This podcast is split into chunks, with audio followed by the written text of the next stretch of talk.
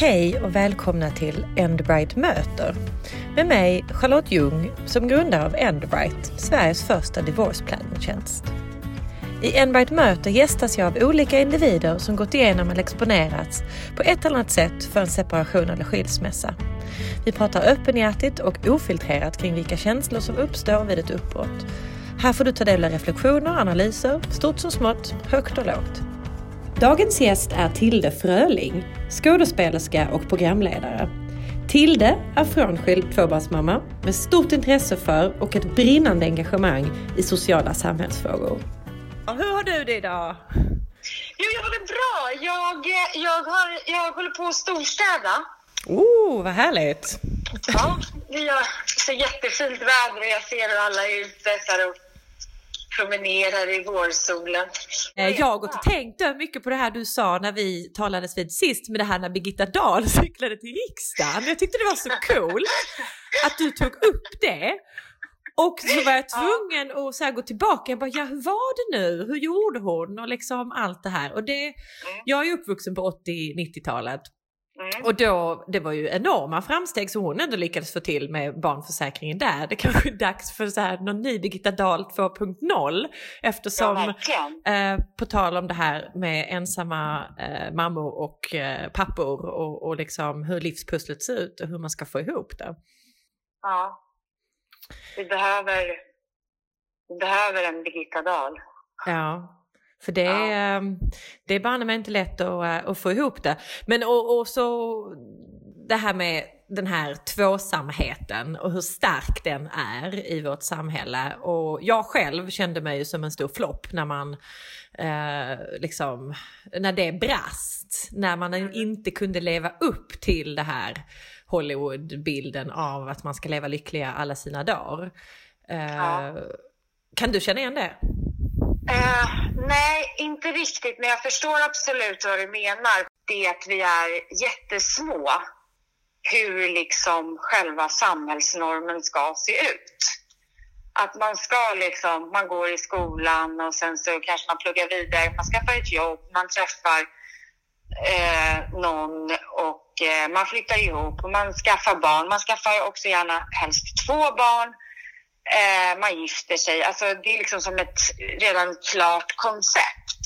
Mm. Eh, så jag tror att den inprintade bilden hos oss gör att vi känner oss extra misslyckade för att vi känner att aha, nu passar inte det in liksom, mm. i det som förväntas av oss. Och så är vi ju lite människor. Men jag känner att Eh, den bilden av den här perfekta liksom, kärnfamiljen, om man säger, den håller faktiskt lite på att suddas ut. Det tycker jag, även om det går väldigt eh, sakta. Men det går i alla fall och jag tycker att vi kanske liksom på något sätt eh, har vidgat våra vyer lite på den, på den fronten faktiskt. Men sen är det ju också vad man befinner sig i för kontext när det väl händer när man separerar. Och i mitt fall var det så att jag var typ den enda i min bekantskapskrets som hade skaffat barn mm. eh, och var sambo. Eh, så jag hade liksom inte riktigt någonting att jämföra med. Men oavsett vad alla tycker och tänker så är det ju, ett, det är ju en sorg. Ja. Och i sorgen följer det ett misslyckande. Att man känner att sorgen ligger i att man inte får vara med sitt barn 100 procent framförallt. Mm, alltså, mm. Det känns ju som att man, man gör ju inte enbart slut med eh, den personen man inte längre älskar, utan man gör ju slut med en person som man faktiskt älskar över allt annat. Ja, verkligen. Så det blir ju så här dubbelsmärta. Mm, mm. Det blir ju så. Eh, och eh, jag kände ju, visst jag kände att det var ett misslyckande Eh, också för att jag, jag ville så gärna ge mitt barn det jag inte fick. Mm. Eh, liksom, en familj. Men det är sant som du säger att någonstans så har det ändå börjat luckras upp och att man ska Ja. kunna luta sig på att, eh, och igen när vår Birgitta Dahl 2.0 tar sin Mm. elskoter till eh, riksdagen nu istället och försöker styra upp lite så ska man ju kunna kanske förhoppningsvis vila mer tryggt i och inte känna sig just det här så ensam och, och det här som du beskriver att våra barn ska få känna att kärnfamiljen finns i så många andra versioner och former och uttryck idag och framöver.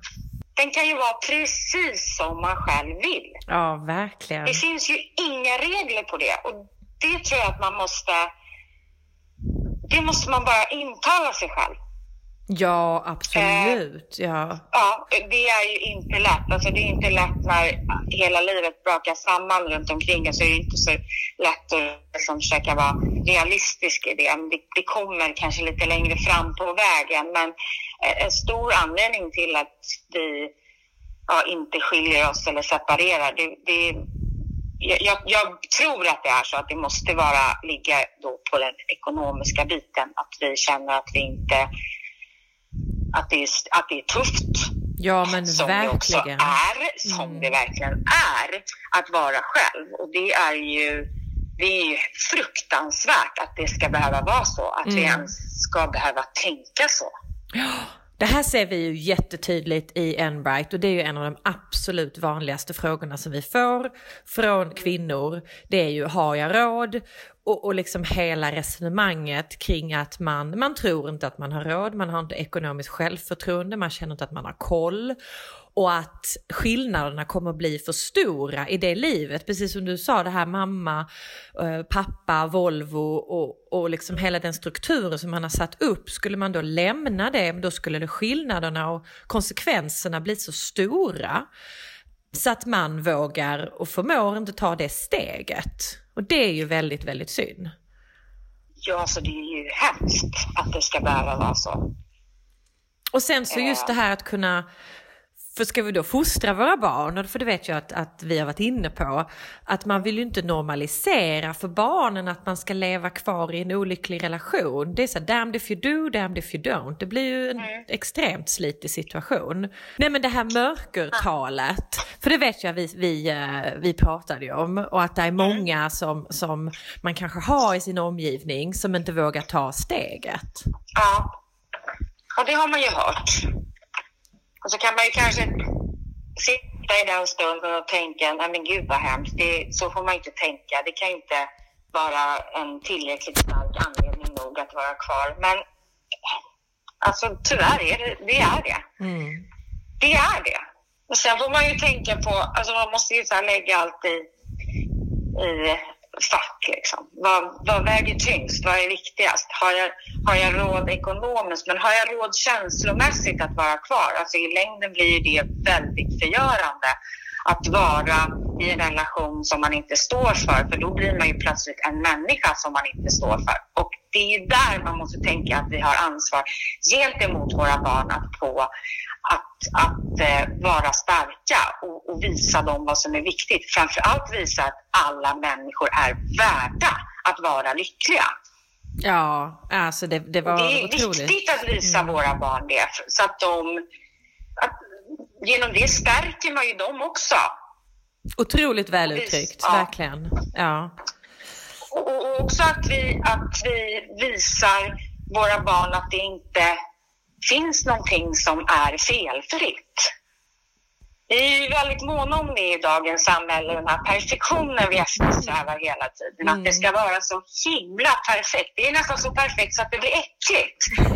ja, gud ja. Nej, men det är faktiskt det. Det är, det, är, det är liksom ett scrollande genom de här sociala medierna som bara är bomulls... Liksom sockervadd, eh, rosa bomull och regnbågar och liksom... Så ser ju inte livet ut. Nej, verkligen inte. Det, det, det är ju verk, det där är ju också hemskt att våra barn blir lite inprintade att det, att det är så det ska vara. Ja, det är väldigt så här, är- det är dubbelt. Det är så himla dubbelt. Där finns liksom en yttre värld och där är allting, precis som du säger, fluffigt och tillrättalagt. Men, men det reflekterar ju inte hur verkligheten ser ut och vi, vi är ju människor och det är ju vi det är så här vi funkar och det är så här våra relationer funkar också. Uh, det blir väldigt knepigt. Det, det, är ju en enormt stor utmaning som, som förälder att kunna försöka fostra sina barn i det. Både då från kanske hur man tar det från sin egen inre relation och hur de förhåller sig till allt de ser på sociala medier. Herregud. Ja, det är ju jättesvårt för att det är ju svårt även för en fullvuxen människa. Ja, men precis. Att kunna liksom gallra och rensa i alla de här intrycken som vi konstant eh, ser. Hur ska, hur ska de små liven kunna ransaka och förstå vikten? Ja men verkligen. Jag tänkte på det här som du sa också därför att då, nu, nu, lever man ju som frånskild så blir det ju en massa ensamma mammor och en massa ensamma pappor som bor där ute och då i olika konstellationer antingen om man lever själv eller om man hittar någon ny partner eller för det är också det här att med den ekonomiska utsattheten som den är ju tyvärr övervägande för kvinnor. Och att när man då som frånskild, för då går det ju från en ekonomi till två. Men det är ju fortfarande många kvinnor, och inbillar jag mig i alla fall, alltså det, det, är lite som att i äktenskap idag så ser man, det finns ju undersökningar som visar att kvinnor gör dubbelt så mycket av hus, hushållsarbetet, oavlönat hushållsarbete. Någonstans lever nog ändå de här kvinnorollerna kvar när man är skild. Är det så att kvinnorna roddar fortfarande med, liksom med lapparna till skolan och fixa och köpa dojor och, och baka eller ja men vad det nu är som ska någonstans kanske de rollerna ligger kvar, tänker jag. Och det är inte heller så himla bra. Det kommer säkert ta tid innan det ebbar ut också. Och det blir mer jämlikhet mellan ensamma mammor och pappor, föräldrar i stort. Ja. Och jag tror att där är faktiskt någonting som eh, samhället och, vi säger regeringen eh, faktiskt ska ta på stort allvar och se vikten av att det är oerhört primärt att hjälpa dem som är utsatta ekonomiskt. Mm. För att du hjälper faktiskt barnen som ska bli stora och som är då vår framtid om man så säger. Mm. Ja, kunna det ser man ju bara, uh, mm. Man ser ju bara hur liksom, den ekonomiska utsattheten, där, där kriminaliteten blir ju otroligt lockande mm. för de barnen. Absolut. Där man inte har så det räcker. Och bara av, det, och bara av den anledningen så borde man ju inse vikten av att eh, underlätta för de som är ensamstående. Ja, alltså, vad är de här, det är nästan skamligt belopp man får varje månad. Det är skamligt. Ja men absolut, jag, jag förstår för det, det, är ju en enorm, det blir dubbelbörda för en ensamstående förälder. Eh, ja, och, och det säger de... sig självt. Det, det, är inte sådär ja. lätt att få ihop det. Nej men det är helt omöjligt, alltså det är omänskligt att få ihop det. Eh, att då få jobba extra mycket, extra pass, dubbeljobba eh, då är man inte heller tillgänglig till sina barn. Alltså man är inte tillgänglig alltså, som människa. närvaromässigt mm. och inte ekonomiskt. Ja, nog hade det varit förtjänt när man sitter där och vi brukar tala om att, för det finns ju en lång period kanske innan man går igenom en skilsmässa eller ett uppbrott eh, och sen så är man då under och då är det ju extremt de här bitarna som vi talar om, alltså då, då, är det ju helt otroligt tufft att hur man ska få ihop det. Och sen så den här liksom efterperioden, den kan ju vara i flera, flera år.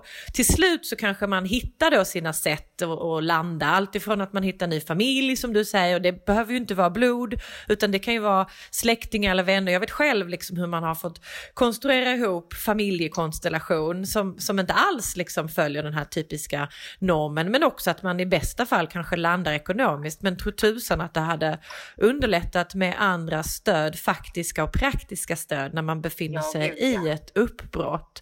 Och barn är idag ganska så unga, alltså i snitt när man igen, går igenom en, eh, när de exponeras för en, um, för en skilsmässa. Jag kan också tänka att skolan, um, nu tyckte jag visserligen då att syslöjd och sådana här praktiska grejer var väldigt kul i skolan, men syslöjd och träslöjd och, och hemkunskap och liknande. Där finns ju ingenting som förbereder barnen för relations skapande kanske? Alltså lite mer att tänka i det här. Skulle, skulle man kunna ha det på schemat eller vad tror du? ja, det finns ganska många grejer man skulle tillföra på schemat tycker jag. Eh, speciellt också när vi har blivit så liksom fokuserade på den här skärmen. Mm. Eh, så, så vore det ju verkligen positivt att lägga till, och det behöver väl inte vara mycket, det kan väl bara vara en liten dos i veckan av det. Bara så här, humana mänskliga saker. Precis, våra mekanismer. Alltså sånt ja. som då har tagit mig ett 40-årigt liv visserligen att lista ut, men man kan ju börja i tid. ja, Mm. Fattas det, bara. Jag håller med. Det, det är in, alla bitar är inte på plats, men de, de kommer sakta men säkert. Man är duktig på, att jonglera. Ja, men, ja, ja. Det blir man. Men du kan också kanske, kan du se det här tidsperspektivet i att sakta men säkert så landar man och jag tänker folk som, det är många som, som då är i det här super påfrestande skedet när allting bara händer och det bara känns som ett, ett enda ja. stort kaos tids nog så landar man ju. Jag försöker ofta säga det men det känns också så här, det är ju inte det man vill höra när man själv sitter där i skiten och så säger folk ja men tids nog så blir det bra, tiden läker alla sår. Nej det kan också vara det värsta. Eller hur? Väldigt eh, provocerande ibland, jag kan bli svinförbannad. Ja, det är provocerande att höra. Men det är också väldigt paradoxalt för det är det mest provocerande att höra. Men det är också en extremt stor sanning som ligger i, de där orden. För mm. att det blir, allt kommer att bli bra. Ja, det är så sant. Det blir. Det kommer att bli bra. Det tar bara lite längre tid ibland. Och så kan det ta lite kortare tid för andra. Precis. Men allting kommer att bli bra och eh, människan är ju så otrolig på det sättet att vi har ju en förmåga att, att lösa situationer. Vi är mycket starkare än vad vi tror. Mm. Vi har ju så liksom en, en enorm grundkapacitet och styrka. Ja, vi repar oss. Det är faktiskt ganska Vi repar otroligt. oss, det gör vi ju. Och ja. det, det är ju bra det så att mänskligheten går vidare. Ja, det finns verkligen. någon tanke i det liksom. Att vi, men den första tiden var ju, den var för jävlig.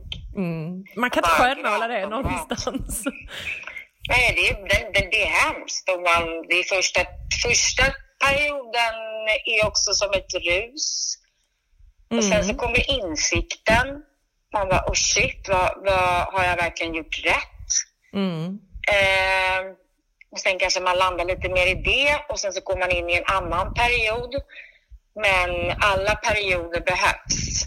För att om det är så att man hoppar över en så kommer den ändå komma tillbaka någon gång. Så att man behöver nästan bara gå igenom alla de här liksom, processerna. Ja. ja. Jag tror det som du sa innan, att det är ju en sorg och man ska inte underskatta sorgen som ett sånt här uppbrott ändå är. Nej, det är fruktansvärt. Fruktansvärt är det och låta det gå sin, eh, sin gila gång, hur, eh, hur, hur drygt det än, eh, det än är, verkligen. Men, och jag vet att du är allt mer engagerad i de här frågorna, vilket jag tycker är helt fantastiskt. Det är, helt, det är så härligt att få prata med dig på det här viset om det här. Och jag vill ju bara hoppa på din cykel och bli ramad till riksdagen av Tilde Fröling, därför att eh, jag hör ju vart, vart du är på, på gång med det här och det finns ingenting som glädjer mig mer och som jag vet kommer glädja uh, Enbrights uh, och alla som kommer lyssna på det här. Eh, för jag tror också att många är så himla ensamma i detta och det här är ju ingenting som man vågar kanske prata med folk om, sina vänner. Jag menar vi har ju människor som ringer in till oss, de får sätta sig i bilen och låsa in sig på toaletten och, och man vill inte att barnen såklart ska, ska höra eh, och, och, allt det här. Och, man, eh, och det är den här kanske krocken som, som du var inne på också med det fluffiga sockervaddslivet med realiteten. Fan den är inte, den är knepig. Och då blir man ensam och vilsen. Men man är inte ensam. Nej. Det är nog väldigt många som befinner sig i den här situationen, i delandet och ja, och så vidare. Och jag tycker att det är viktigt att, att, att så här, understryka att man absolut inte får känna skam. Eh, man, kan, man kan inte styra sina känslor, man kan inte styra kärleken, det är omöjligt. Det är typ det enda vi inte kan styra. Men vi kan styra vår egen lycka, för det är mer skamligt att vara kvar i en relation som man inte mår bra av. Framförallt för sina barns skull också. Nu ska man tänka på sig själv också. Och det är viktigt att göra. Kanske allra mest alltså, tänka på sig själv i första hand. Mm. För mår man själv bra man kan, så mår ju ja. kidsen bra. Så är det och, och, och, vi ska inte heller underskatta våra barn. De är, det är väldigt intelligenta små varelser.